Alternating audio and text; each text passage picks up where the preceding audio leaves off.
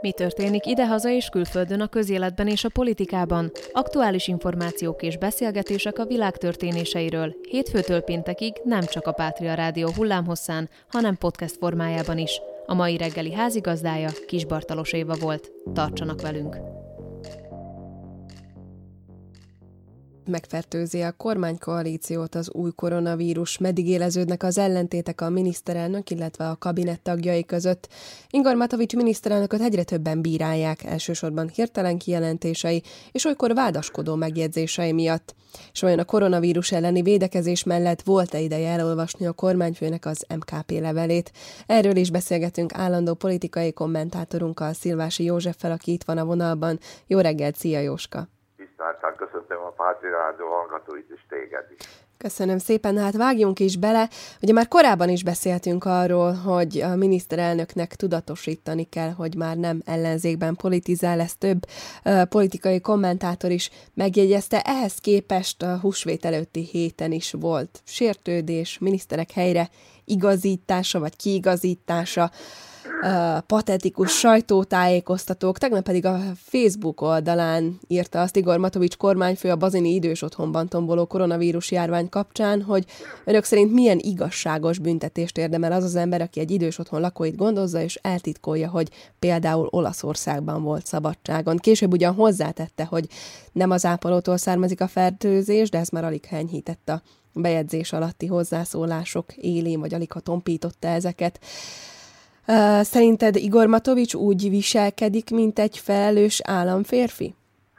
Véleményem szerint egyre inkább igen. Kezdetben nagyon nehéz volt a helyzete, több okna fogva is, elsősorban ugye ellenzéki politikus volt, ezt mindannyian tudjuk. Tavaly decemberben senki nem mert volna fogadni, hogy ő lesz a kormányfő, hiszen az is gondolt, hogy bejut az Olana egyáltalán a parlamentbe, és ilyen nagy változást hozott az utolsó két-három hónap ennek megfelelően ugye nagyon nehéz volt Igor Matovics dolga már csak azért is, mert ellenzéki ilyen megmondó politikusból át kellett váltania egy felelősségteljes kormányfői posztra, ami rendkívül nehéz. Még úgy is, hogyha nem következnek be ilyen drámai helyzetek, mint jelenleg a világon, és természetesen Szlovákiában is, ez pedig a koronavírus.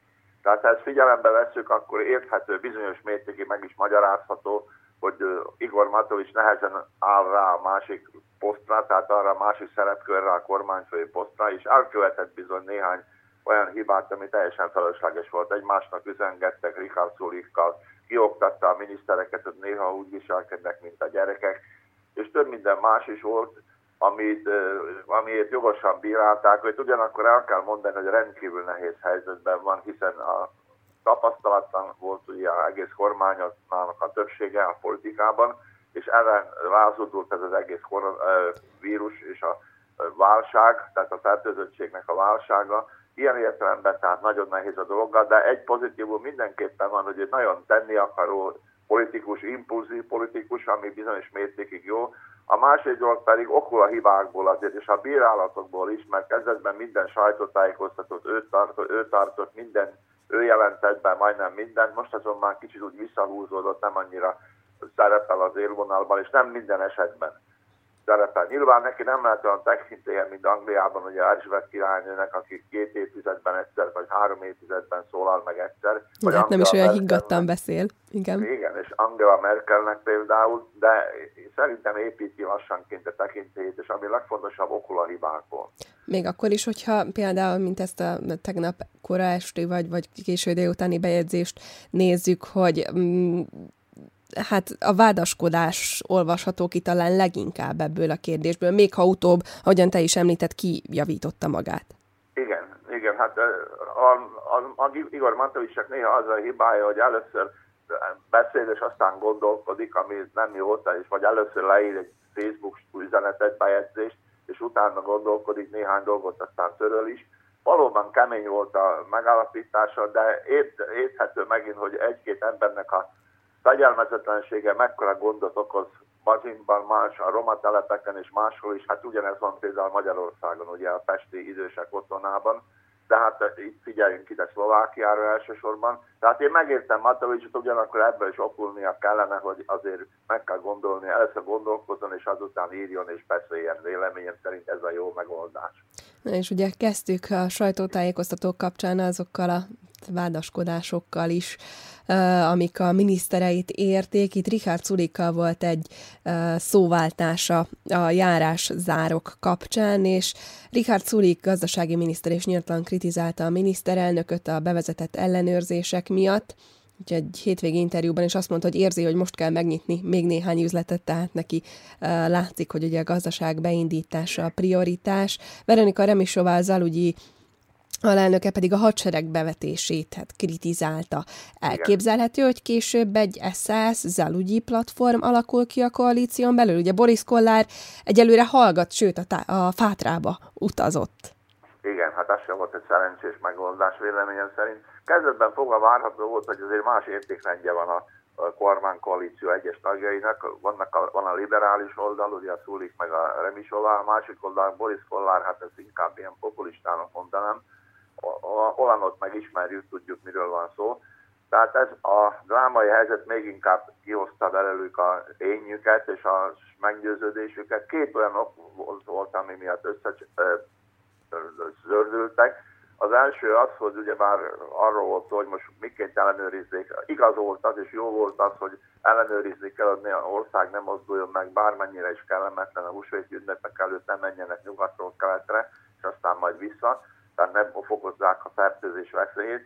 Kérdés volt, hogy hogyan megoldani. Semmiképpen sem volt jó, ami szerdán történt, mert aki már el akart menni Kelet-Szlovákiába, és sajnos több ilyen ismerőse van, akik már mentek kedden. És, tehát, és azokat ellenőrizték, órák hosszat kellett vesztegelni, akik például munkából jöttek haza, Szolnatból, máshonnan jöttek haza. Vagy munkába mentek reggel. Vagy munkába mentek reggel, az ugyanaz. Tehát képzeljék el, hogy egész éjszakai műszak után, vagy pedig hajnalban ugye indulni kell munkába, és akkor még órákig kell várni, mert nagyon rossz volt a ellenőrzés. Ezen vitatkoztak össze, Remisova tudtam, hogy ott is hagyta a koalíciós tanácsnak a ülését, mert nem egyezett bele. A másik vita az nagyon ez, tulajdonképpen világméretű vita, hogy mi legyen a következő lépés, tehát lehet-e megengedni már bizonyos lépéseket, tehát kiítni néhány üzletet és így tovább, és nagy vitában vannak a az infektológusok és a közgazdászok. Tehát a nyilván igaz az, hogy az első rendező és első helyen mindenképpen az emberek egészsége, az emberi élet áll, csak az a kérdés, hogy a, ha a közgazdaságot, hát a gazdaságunkat sem is próbáljuk talpra állítani legalább bizonyos mértékig és fokozatosan, hát akkor nagyon sok lesz a munkanélkül, és ez is emberéletbe kerülhet. De erről folyik a vita, főleg Richard Szulik, meg Igor Matovics között, de világméretben is, Csehországban is, ahogy olvasom, és több más országban is,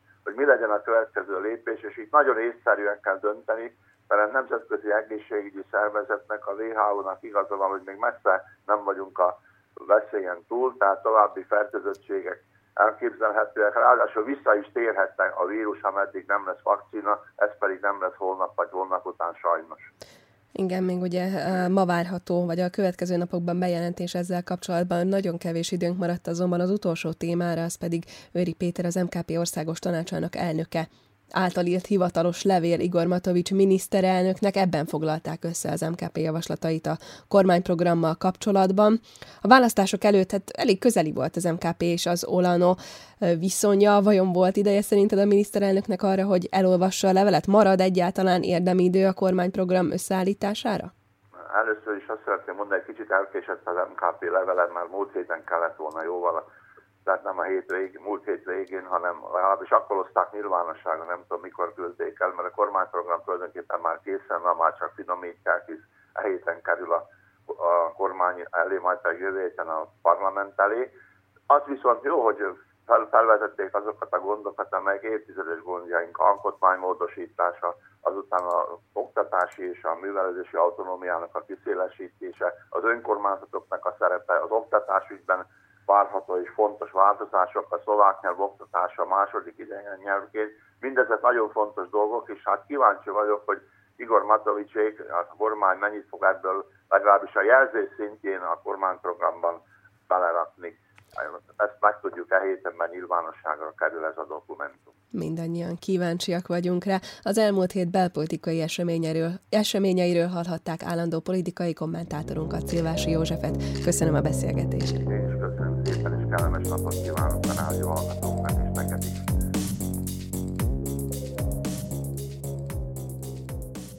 nem tekinti globális köztulajdonnak az Egyesült Államok a világűrt. Donald Trump amerikai elnök április elejé rendelete szerint legalábbis abban ezt írták le. Mérföldkőhöz érkeztünk el a világűr militarizálása és a kereskedelmi kihasználása terén.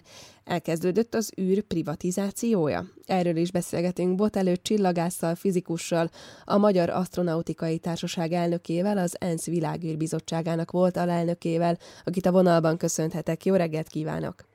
Reggelt kívánok, egy csokolom! Ugye Donald Trump rendeletéből az derül ki, hogy nem tekinti köztulajdonnak a világűrt, de mi alapján tekinti Amerika tulajdonának?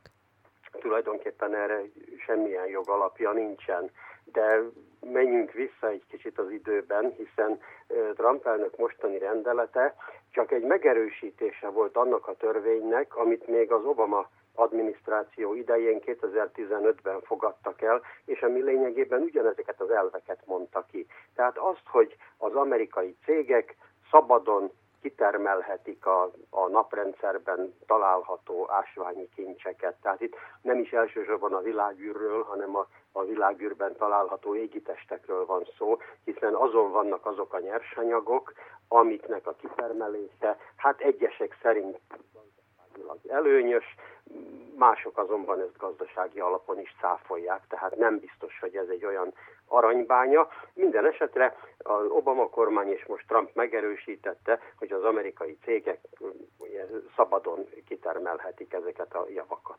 Ezt úgy értsük így laikusként, hogy megnyitják az utat a hold és az aszteroidák amerikai bányászati kihasználása előtt? Igen, igen, ezt teljesen pontosan így kell érteni, ugyanis Ugye a világűrjog alapját azt öt nagy nemzetközi szerződés rögzíti, még a 60-as, 70-es évek környékéről, ezt az ENSZ világűr bizottsága dolgozta ki annak idején, és ezeknek a többségét ugye olyan száz körüli ország elfogadta. Kivéve az ötödiket, a Hold Egyezményt, amely kimondja azt, hogy az égitestekre nem szerezhető tulajdonjog, tehát az égitestet, aki oda megy, az nem tekintheti sajátjának.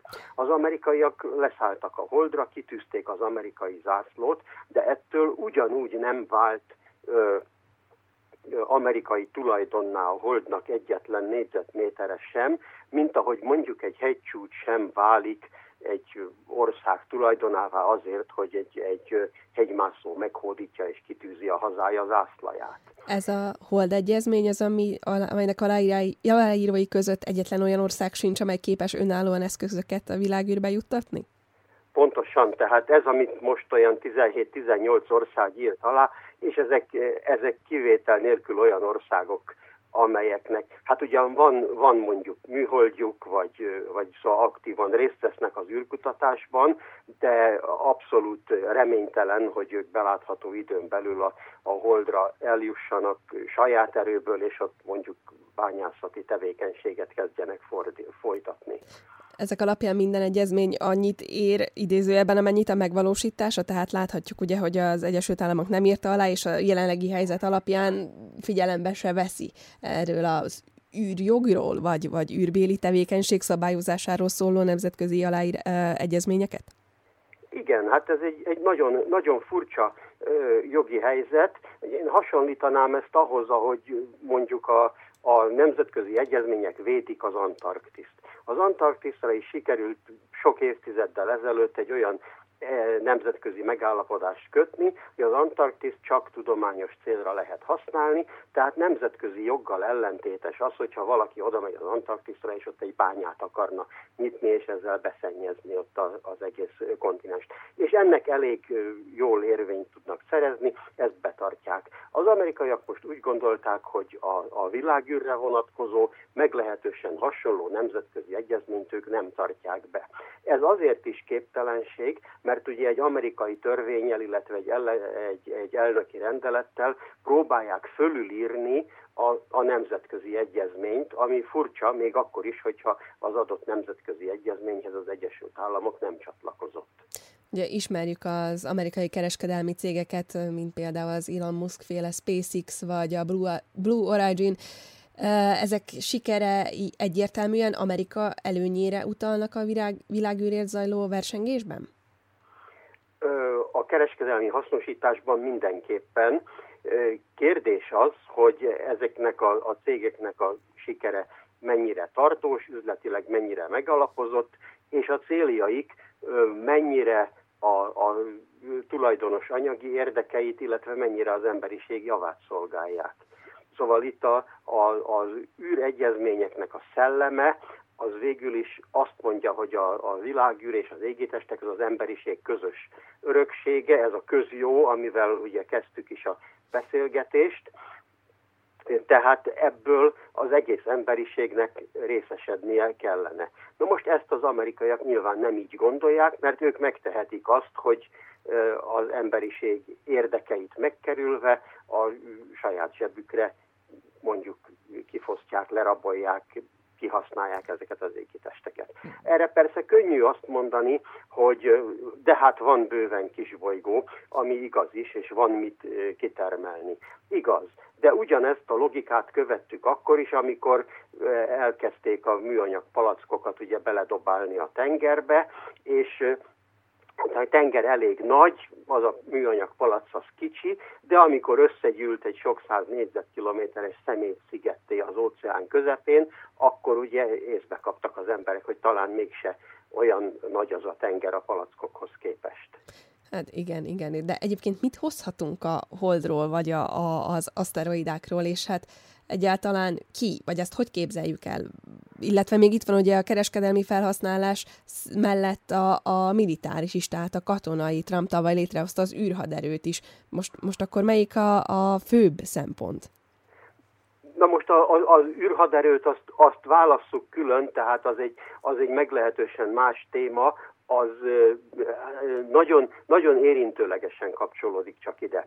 Inkább a, a kérdés első részére válaszolnék, mert az kapcsolódik ahhoz, amiről eddig beszélgettünk. Nagyon sok mindent érdemes ott kitermelni. De ezt is két részre kell választani. Egyrészt nem biztos, hogy ezeket az anyagokat a földre kell hozni, tehát nem biztos, hogy megéri azokat a ritka fémeket, mondjuk platinát, nemes fémeket, esetleg olyan ritka földfémeket, amik hát ma nagyon népszerűek, akár akkumulátorokhoz, akár félvezető eszközökhöz kitermelni, és azt a földre elhozni. A másik lehetőség, hogy ezeket az anyagokat ott helyben használják föl, tehát ott helyben építenek belőle a Holdon akár telepeket, városokat, bármit. A Holdon ugye a, sarkvidékeken jég található, tehát az is felhasználható egyrészt üzemanyagként, másrészt ha űrhajósok mennek oda, akkor hát a, a vizet fel tudják használni. Szóval van, van bőven mit kitermelni, az egy egészen más kérdés, hogy milyen célra mennyire gazdaságos ez, ezt nyilván a gazdasági szakembereknek kell hát mérlegelni. Hát akkor gondolom, hogy majd ez is kiderül valószínűleg a közeljövőben, hogyha így haladnak ezek az előkészületek, de még megemlíteném azt is az amerikai terveken kívül, hogy ugye a Párizsi székhelyű Ariane Group az Európai űrügynökséggel közös projektjén belül 2025-ig tudományos missziót küldene a Holdra, a NASA Artemis programja 2028-ig állandó jelenlétet szeretne kialakítani a Hold felszínén. Ez alapján Európa is részt vesz, idézőjelben a gyarmatosítási verseny Egyáltalán mondhatjuk ezt gyarmatosításnak? Ezt, ezt nehéz ilyen kategorikusan kijelenteni, hiszen tudományos kutatás céljára ez, ez egy teljesen legális tevékenység. Ugye itt külön kell választani a, a gazdasági haszonszerzést egyéni vagy, vagy cég érdekből, és a tudományos kutatást. Hát eddig ugye az amerikaiak leszálltak a Holdra fél évszázaddal ezelőtt, az tudományos kutatás volt. Eszükbe nem jutott ott bányászkodni és a, a hazahozott holdkőzeteket pénzét tenni, vagy abból kiolvasztani a platinát mondjuk, azt tudományosan vizsgálták különböző laboratóriumokban. Ugyanígy azóta egy, egy sor ország részt vett a hold kutatásában, Európa is, Japán is, kínaiak le is szálltak, oroszok is ugye annak idején leszálltak, Szóval tudományos célra működik a hold kutatása, és ezek a tervek, amiket említett, tehát az Artemis is, meg, a, meg az európai tervek, ezek tudományos célt szolgálnak, ami, ami egy nemes cél, és, és összhangban van az egyezményekkel is ez alapján. Persze, abszolút, abszolút összhangban van az egyezményekkel, mert az egyezmények a, a tudományos kutatást azt, azt teljesen megengedettnek tartják. Itt a tulajdonszerzés az, ami nem megengedett. Hát az Antarktiszon is működik a tudományos kutatás, senkinek semmi problémája nincs azzal, hogy ottan több ország is, meg európaiak is, britek, oroszok, amerikaiak tudományos bázisokat tartanak fönn. Hogy látja? Én ugyanazt említettem, hogy a világűr kihasználásának új mérföldkövéhez érkeztünk, de valóban így van? Tehát ez a Trump-féle rendelet uh, új perspektívákat nyit?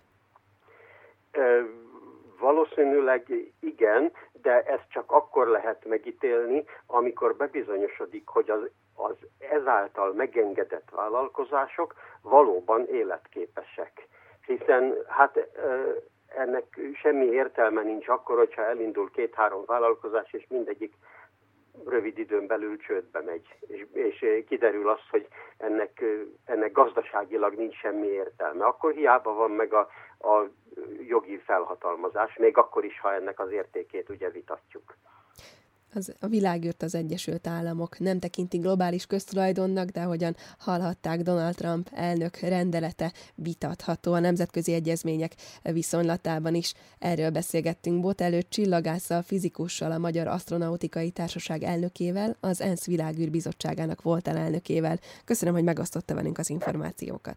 Én is köszönöm szépen a lehetőséget, viszont hallásra kezdés.